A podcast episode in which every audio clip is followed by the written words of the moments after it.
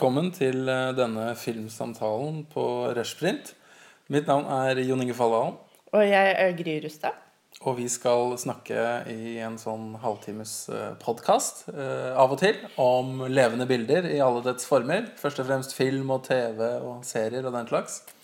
Eh, vi er begge medievitere, filmvitere og har studert sammen i gamle dager, ikke sant? Ja, vi møttes i 2004.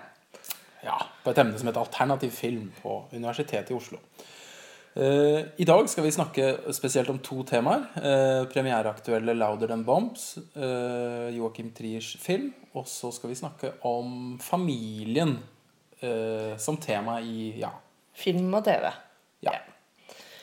Så da kan vi jo begynne med 'Louder', som er premiereklar nå på fredag. Og du Jon Inge, har jo da skrevet en sak i Dagbladet hvor du hevder at Joachim Trier er den første norske mesterregissøren. Hva er det som gjør han til det i dine øyne? Jeg tenker at det er jo uh, mange ting som gjør Joakim Joachim Trier til en veldig interessant regissør. Jeg syns jo hele produksjonen har en eh, sammenheng. Man kan se tydelige stiltrekk og tematiske eh, felt allerede i eh, skatefilmene og kortfilmene fra 90-tallet og tidlig 2000-tall. Eh, guttegjengen, eh, forgjengelighet eh, og en enorm vilje til å eksperimentere formmessig, inspirert av en sånn autørkanon som inneholder både europeisk kunstfilm og modernisme, men også amerikansk sjangerfilm eh, og den slags. Og så har denne stilutforskningen eh, virvlet opp en del tematikk, da, så å si, eh, som har vært veldig tydelig, syns jeg, både i reprise Oslo 31.8 og Louder Enn Bombs nå, som er en slags eh, sammenhengende historie, kan man se det som. En eh, vei til selvmordet gjennom eh, eksistensiell angst og desperasjon osv. gjennom reprise og Oslo 31. august, og så etterdønningene av uh, dette og hvordan man forsoner seg med tapet i uh, Louder Than Bombs. Og det er spesielt tre-fire scener som jeg syns er veldig interessante å kunne si noe om da, fra Louder Than Bombs, som når et sånt bildepoetisk nivå som jeg ikke eh, mener jeg har sett eh, rett og slett tidligere i norsk filmhistorie. Eller filmene hans også, eller? Eh, det er jo det samme nivået på noen av eh, scenene i de tidligere filmene, men jeg syns her er det eh, så, så rammende, da. Mm. Og personlig treffer meg veldig sterkt. F.eks. åpningsbildet i 'Louder and Bombs' av en liten jente, nyfødt baby, som holder omkring Eh, sin fars finger, Jonah, spilt av Jesse Eisenberg, som eh, er en eh, ja, rystende opplevelse bare i seg selv, tenker jeg. Det ekstreme nærbildet av den situasjonen. Og så er det en veldig original scene da far, Gene, spilt av Gabriel Byrne, forsøker å tilnærme sin sønn Conrad, som spiller mye online-spill så han lager sin egen avatar av far for å besøke og, og finne sin sønn. Eh, og så ender det ikke sånn som han hadde håpet. Eh, og det er en veldig sår og vakker og morsom scene som handler om hvordan vi forsøker å kommunisere. Hva er det eh, vi egentlig gjør? Hvordan kan vi eh, møte hverandre? Og det er jo mange stengsler, det er mange medieringer i denne filmen som holder både kontakten i livet mellom menneskene, men også holder dem fra hverandre. Telefoner, dataspill. Eh, kroppsberøringer.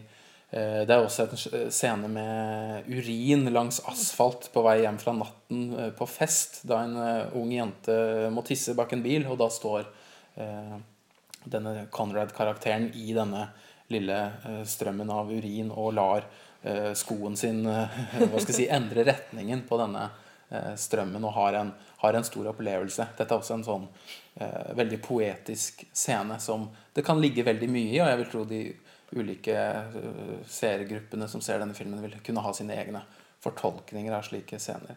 Og den siste jeg vil bare nevne da, for å avslutte dette, er et klipp som jeg syns er helt briljant, uh, som er eh, først en scene da hvor Isabel Hyper, moren, som er død, er i bildet, og Conrad eh, legger hodet sitt langsomt mot sin mor og hviler på skulderen, og så klippes det helt enkelt til eh, et bilde av at hun ikke er der, og han ligger og henger med hodet og sover eh, i den objektive virkeligheten. Så dette spillet mellom forestillinger, tanker, subjektiv virkelighet, objektiv virkelighet, der er eh, Joachim Trier og hans eh, medmanusforfatter Eskil Vogt helt unike, syns jeg, med å ha nådd et sånt eh, nivå som helt klart tåler den konkurransen de nå var i i Cannes, med sånn Hirokatsu Koreda, Hu, Todd Haynes osv., osv., av det ypperste av internasjonal eh, film. Eh, Ja, fordi det er vel noen andre regissører man kanskje kunne ha sagt om eh, dette om tidligere. Altså, det er jo selvsagt bestefar Erik Løken som har lagd 'Jakten', en motforestilling. Og så har man jo noen trekker jo frem Arne Skouen, eh, Vibeke Løkkeberg, Anna Breien. Altså, men hva gjør da at eh, Joachim Trier er den Altså overgår disse, da? Jeg vil vel si det er noen av de tingene jeg da allerede har nevnt. Dette eh, enormt eh, uttrykksfulle bildespråket som eh, går langt utover eh, en sånn sedvanlig Den norske realismen da, som ofte dominerer. Eh, og eh, den eh, veldig komplekse sammenvevingen av fortelling og stil i en sånn veldig triersk tone, som kanskje ikke har vært så tydelig hos disse tidligere autørene. Ja, Men han er jo også mer kontinental enn disse andre, er han ikke det? På mange måter? Eller Jo, man kan jo kanskje si det. Altså, jeg vil jo si det er veldig mye fransk i filmene til uh, f.eks. Anja Breien, og også Ja. hos uh, for så vidt uh, Skauen og Løken. Men eh, jeg mener eh, da særlig Louder and Bombs nå viser hvordan eh, en sånn helt egen, eh, særegen eh, tone kan eh, tas med til et nytt sted. Altså det man kanskje både i Oslo 31. august og Reprise anså som veldig sånne Oslo-skildringer. At her er det stedet som betyr veldig, veldig mye. Så syns jeg denne østkyst, amerikanske, engelskspråklige skuespillerdrevne filmen viser at det er eh, Man kan frigjøre eh, stedet og allikevel ta med mye av den tematikken som jeg også syns gjør denne filmen veldig norsk og nordisk. Eh, kanskje enda mer enn Oslo 31. og eh, Reprise. Fordi her handler det i Louder and Bombs så utrolig mye om disse kommunikasjonsproblemene eh, mennesker har, som er en sånn typisk nordisk tematikk fra Kirkegård og Ibsen via Bergman og Dreyer og eh, fram til Andersson og von Trier, som i ulike avskygninger eh, ja, Vise frem denne vanskelige kommunikasjonen mellom mennesker her oppe i nord. Absolutt. Ja, det er jeg helt enig i. Selv om jeg syns jo også at eh, denne filmen kanskje er mer Altså, den har en annen holdning til mennesker, kanskje, enn man ser i Bergman eller von Trier. Altså, hvor man er mer glad i karakterene. Man har en kjærlighet, en varme, en omtenksomhet for karakterene sine. Som jeg kanskje tenker at er nytt i skandinavisk sammenheng. Hva tenker du om det, eller? Ja, det syns jeg er en veldig god observasjon. Jeg tenker jo både at den er ikke fremmedgjørende modernistisk, eh, sånn som kanskje noe hos Bergman og Dreyer kan sies å være. Og den mangler også den åndelige dragningen der. Og så er den jo heller ikke sånn eh, postmoderne, ironisk eh, i sin avstandstagen på noe vis. Så det er en, eh, det er en genuin varme og en helt Ja, det er både postfremmedgjørende og postironisk tone som gjør det trierske da til noe nytt og noe annerledes. Og han har jo heller ikke disse perversjonene som von Trier har. Absolutt ikke. At Nei. Eh, man eh, sadistisk eh, kan bli mishandlet både som skuespiller og tilskuer Mm. til tider. Og det som også er unikt med disse karakterene, er ofte at det er mennesker man føler at man kan kjenne i virkeligheten. Tenker jeg at De fremstår som utrolig virkelige og reelle. Altså mange altså Jeg vet ikke, det er jo noen karakterer som kanskje virker um, Altså at det kan være mennesker som du er naboen til, da. Ofte. Mm. et sånt kjennetegn nok en gang på de, de aller flinkeste instruktørene og regissørene, er jo kvaliteten på bikarakterene, syns jeg. Og der er jo f.eks. Oslo 31. august helt ekstremt god, med alle disse som kommer inn på denne dagsvandringen til Anders-karakteren der. Så kommer det inn forskjellige karakterer underveis. Og de er så godt skrevet og spilt av de skuespillerne, som er to-tre minutter på lerretet, kanskje. Eh, og der eh, får man hele denne følelsen av eh, et sånn totalt gjennomført univers. Og der tenker jeg jo disse velkjente menneskene da De finnes overalt. Og jeg tenker spesielt på denne farsfiguren i Louder and Bombs som en sånn skikkelse jeg eh, kjenner igjen. Denne voksne mannen, den moderne faren, som er eh, omsorgsfull. Eh, eh, konfliktsky, vil noen si. Men eh, jeg tenker denne Gene-karakteren velger mange ganger å ikke ta konflikter. Han forsøker å nærme seg sønnene sine, men han kan si ting som eh, No, I, I don't want to argue about that. Og, og gå og løse situasjoner på en helt annen måte enn både den The strong silent type, som Tony Soprano etterlyser og henviser til Gary Cooper og den slags stillhetsmannen som bare sitter her, sterk, og heller ikke denne voldsomme eh, machomannen som eh, slår eller eh, skriker eller bruker annen type eh, kommunikasjonsmidler. Da. Ja, for han er jo litt den myke mannen som er Han er jo hovedansvarlig for hjemmet og for oppdragelsen av sønnene, fordi konen er jo ofte veldig fraværende. Eh, Så den er jo også veldig sånn Man har jo da tatt et veldig Kanskje, kanskje man kan si et litt sånn skandinavisk kjønnsrollemønster inn i en mer amerikansk eh, kontekst. da. Og der, eh, der tenker jeg denne filmen har eh, et veldig interessant bidrag med nok en gang å hva skal jeg si, eksportere noen sånne eh, verdier, da, hvis man skal være så pompøs.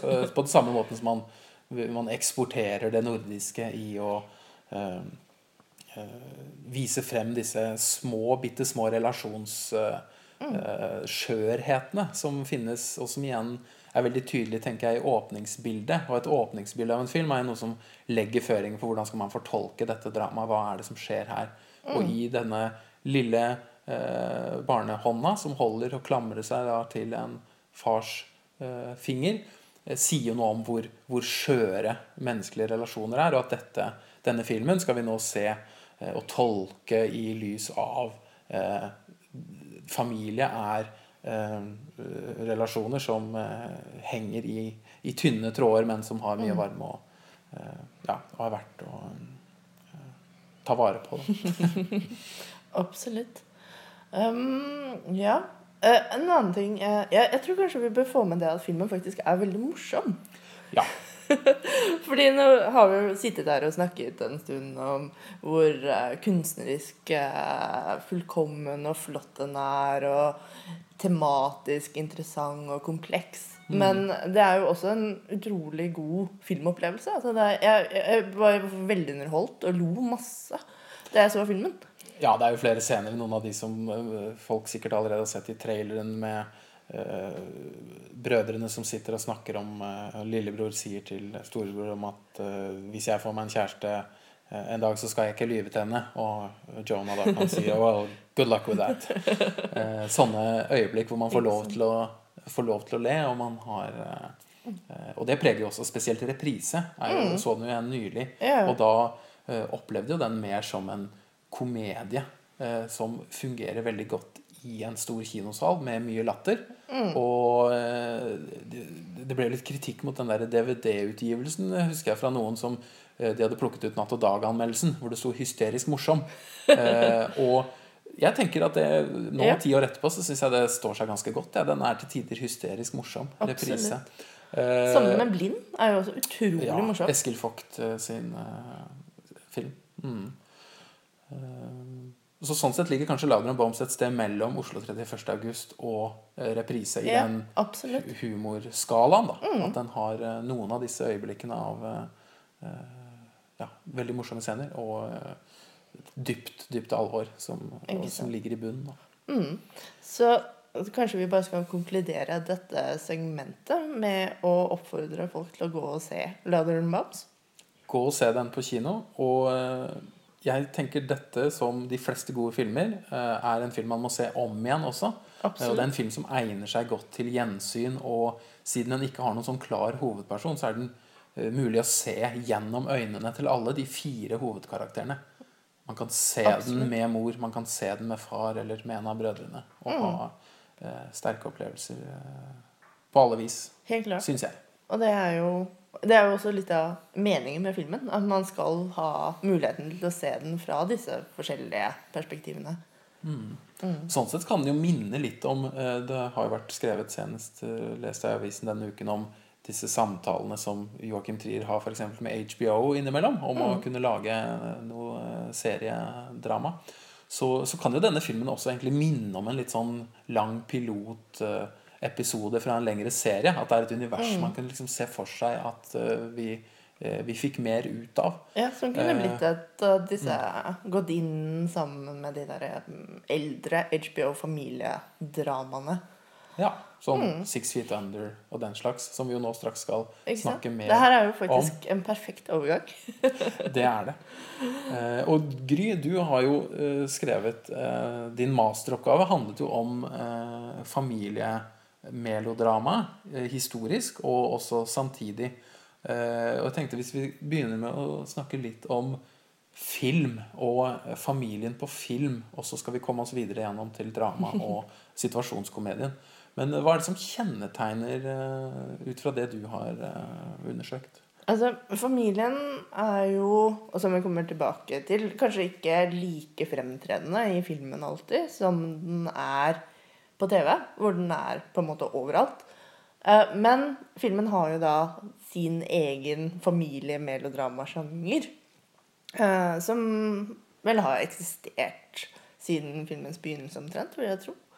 Eh, Men den kanskje fikk, eller det mange filmhistorikere vil si, er jo at den fikk sin oppblomstring, eller nådde høydepunktet da, på 50-60-tallet med en del familiemelodramaer av Douglas Sirk og Nicholas Ray som 'Rebel Without a Cause', f.eks. Eh, og det man ser med familiemelodrama da, altså Det er jo en sjanger som alle andre filmsjangere som har gått gjennom en utvikling og på en måte tilpasset seg samfunnet eh, det blir, den blir produsert i. Eh, så det man ser med Hvis man tar f.eks. denne perioden, 50-60-tallsperioden med familiemelodramaer, så ser man jo at eh, familiene som blir representert, passer jo veldig godt inn i dette eh, samfunnet. Det er mer sånn kjernefamilien, det patriarkalske samfunnet. Veldig mange av filmene er jo også veldig eh, er ganske feministisk orientert, for det handler jo om hvordan kvinnen på en måte blir fanget i hjemmet, da, på mange måter. Mm. Så det man da ser, og så kommer det en ny bølge, påstår jeg da i masteroppgaven min, eh, på 2000-tallet. Hvor det da kom ganske mange sånne amerikanske independent-filmer som handlet om familien, som f.eks. Royal Tenbounds, altså West Anderson-filmene generelt sett. Eh, tidligere var jo veldig ofte basert eller handlet om familie. sånn Livende mann med Steve Sussu, eh, Darjeeling Limited. Eh, I tillegg så hadde man filmer som um, Squid and Away, Lenovo Baumbach. Man hadde Me and Everyone You Know, Garden State. Veldig mange med denne familietematikken. Og det man ser i disse filmene, er jo at man får en helt ny familie representert. Hvor da kjernefamilien er mer oppløsning, så det handler jo mer om eh, Kanskje mer sånn utrygghet i denne familiesituasjonen, hvor man har litt diffuse roller i familien. Og man ser kanskje en slags nostalgi mot liksom, det barnlige og det trygge. Uh, som man ikke hadde i de gamle familiesjangerne. Så det som er interessant med familien kanskje i filmen, er jo hvordan den da veldig speiler vårt eget samfunn, uh, vil jeg si. Du hadde jo en veldig fin eh, tagline, husker jeg du brukte i tittelen, var det vel? på Eller det var vel ikke min, det var vel eh, Wes Anderson sin. Ja, ikke sant? Royal Tenban sin tagline, som var Ja. eh, 'Family isn't a word, it's a sentence'. Ikke ja. sant? Hvor man ikke slipper unna. ja, det er både en dom og i tillegg til å være en setning, selvfølgelig. Så ordspillet ligger der. Så det, er en utforskning av disse rammene, og hva er det som karakterene kan få til innenfor. Jeg, når du snakket om Cirque og også tidlig 2000-tall, så eh, ble det jo laget f.eks. da den Far From Heaven, Todd Haines Ja. mm. av Imitation of Life. Og der har man jo noen av disse eh, forskjellene tydeliggjort gjennom Absolutt. adaptasjonen av det samme materialet. En film som også har vært igjennom Fassbinders angst, Ikke det Essensela opp i mellomtiden òg. Og melodrama, familiemelodrama er jo langt fra amerikansk. altså Det dukker jo opp i veldig mange andre land. I Japan har jo f.eks. en veldig lang tradisjon for disse familiemelodramaene, som i filmen til Osu, og nå med filmen til Koreda.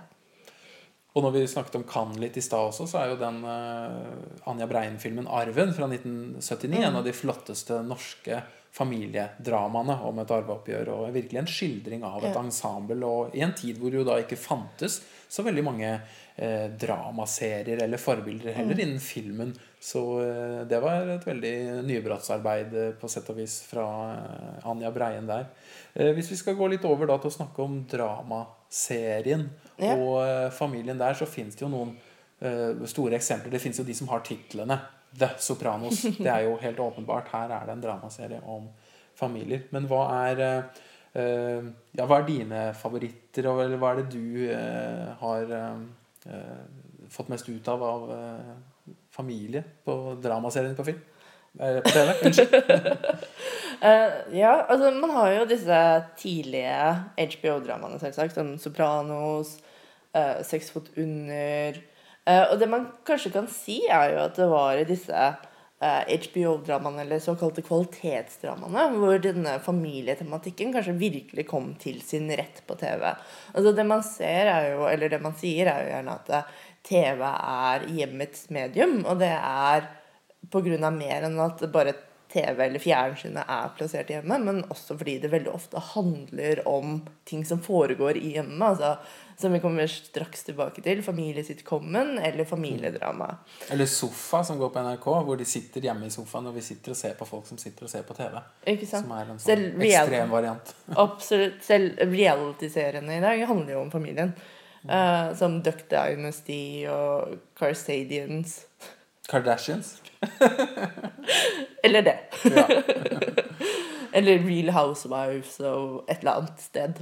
Og så har du disse såpeseriene også, som var veldig Mm. store. Dynastiet og den slags på 80-tallet. Som eh, eh, også er en slags forløper til Kan man si Ja. at eh, noe av HBO-formelen tidlig var jo å ta det beste fra på en måte ren såpe, på et vis, og blande det med en eh, sjangerfornyelse. da F.eks. i Sopranos, hvor man Ja. ja.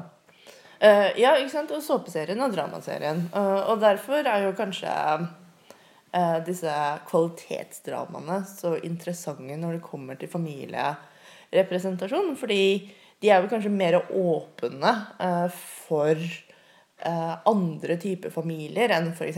man er i såpeserien, som er veldig fanget av såpeseriens sjangerkonvensjoner. Eh, hvor familien egentlig er veldig ustabil, eller i hvert fall relasjonene er ganske ustabile. Altså Folk skiller seg jo øst og vest og gifter seg med stebarn og barn som egentlig ikke er barn, fordi det egentlig er barnet til broren. Altså Ja, det er, det Ja. Eh, og sitcomen, som også har selvsagt en del sånn klare eh, familierelasjoner. Mens da i disse dramaseriene, sånn Soprano, Sex for Under, Transparent, som er et veldig godt nytt eksempel, er jo mer åpne for mer komplekse familierelasjoner, kan man kanskje si. Og det er jo interessant nå å se på denne litt uh, gråsonefeltet som eksisterer mellom dramaserier og komedieserier. Hvis man ser på Emmy-prisene som ble delt ut i, nå nylig, så var det jo en serie, 'Orange is the New Black', som var nominert i begge kategorier. Det er første gang noensinne. Eh, og man har jeg tenker, en serie som Transparent. altså Den er vel litt pga. halvtimesformatet, Ja. kanskje, at den eh, havner inn under komedie. Og så er den jo morsom, men Ja, den er morsom, men eh, den har ikke en sånn tone som er spesielt mye morsommere enn Six Feet Under, Absolutt tenker jeg. ikke. Eh, og det er jo en av eh, de som jobbet med den, Jill Soloway, som eh, står bak Transparent. Så den, den koblingen der er ganske tydelig, tenker jeg. Og så en LA-familie, øvre middelklassefamilie. Så det er veldig mange likhetstrekk, faktisk. Og det er også en av de som er laget av Amazon eh, studios. Og, og du, du jobber jo litt med nå nyere i din forskning på eh, de industrielle eh, konsekvensene, eller de estetiske konsekvensene av økonomiske endringer, nye distribusjonskanaler og den slags. Er det, eh, er det noen spesiell Hvorfor får vi en sånn type serie, tenker du, fra en så stor aktør som Amazon? Hvorfor lager ikke de en sånt Ja. stort kostymedrama eller noe sånt? Altså, jeg tror Det er fordi Amazon ser jo at uh, dette med familiedramaene og de uh, kvalitetsfamiliedramaene er et hull som må fylles nå. Altså, fordi det man har, ser, er jo at HBO produserer veldig få av de nå. Altså, nå kommer det en ny sesong av Leftovers, men det er kanskje det eneste ordentlige familiedramaet de har igjen. Eller så ser man veldig mange sjangerserier, high concept-serier, veldig lite familiedramaer. Og derfor dukker nok da f.eks. Transparent opp på Amazon, eller Rectify, som også er et utrolig interessant familiedrama, opp på en kanal som Sundance Channel. Altså at det blir spredd i utkanten da, til liksom andre, mindre aktører. Og så Man kan jo kanskje si at det var det HBO gjorde i sin tid også, da HBO var en mindre eh, aktør. At de satset mer på å fylle dette rommet, hvor de kanskje ikke prøvde å nå de store eh, seertallene, men heller lage disse kvalitetsrammene og treffe akkurat den eh, publikumssegmentet da, som er interessert i disse mer nyanserte familiehistoriene. Eh, men kanskje vi skal komme oss over til sitcomen, Jon Inge?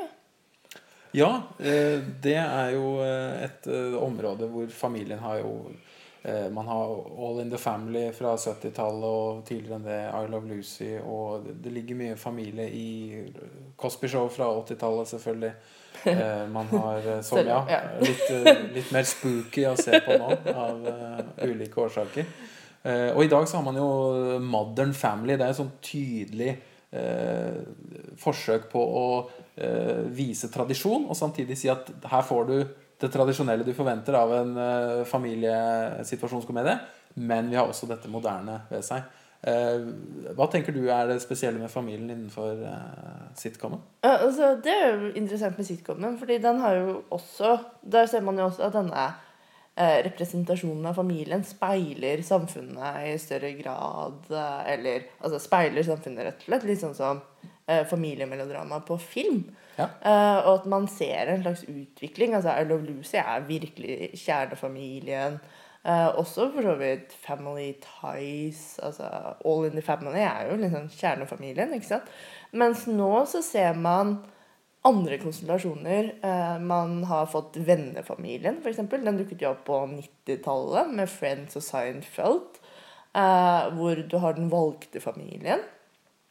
Eh, samtidig som man da også har andre nye familier. Sånn. Man har jo også en sitcom som Mam, som handler om to alenemødre, altså mor og datter, som begge har vært alenemødre. Altså, det er jo også noe helt nytt, altså, hvor du da ikke har denne kjernefamilien. Um, så Men ja, har du noen uh, favorittfamilier på TV? Favorittfamilie på TV, hvis vi skal gå uh, I det siste så vil jeg gå til norsk uh, produksjon, altså Kampen for tilværelsen.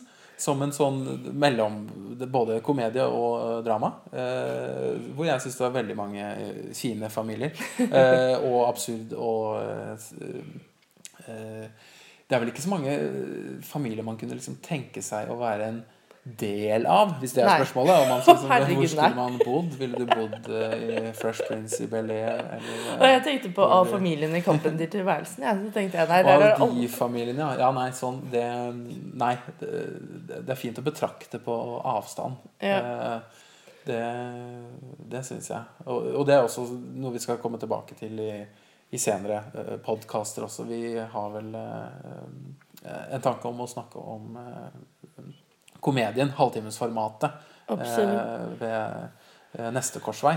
Mm. Eh, og se hvordan eh, utviklingen der eh, er. Og noen av de beste Det beste jeg har sett eh, av Mm. serier da, de, de siste årene, er fortsatt Louis.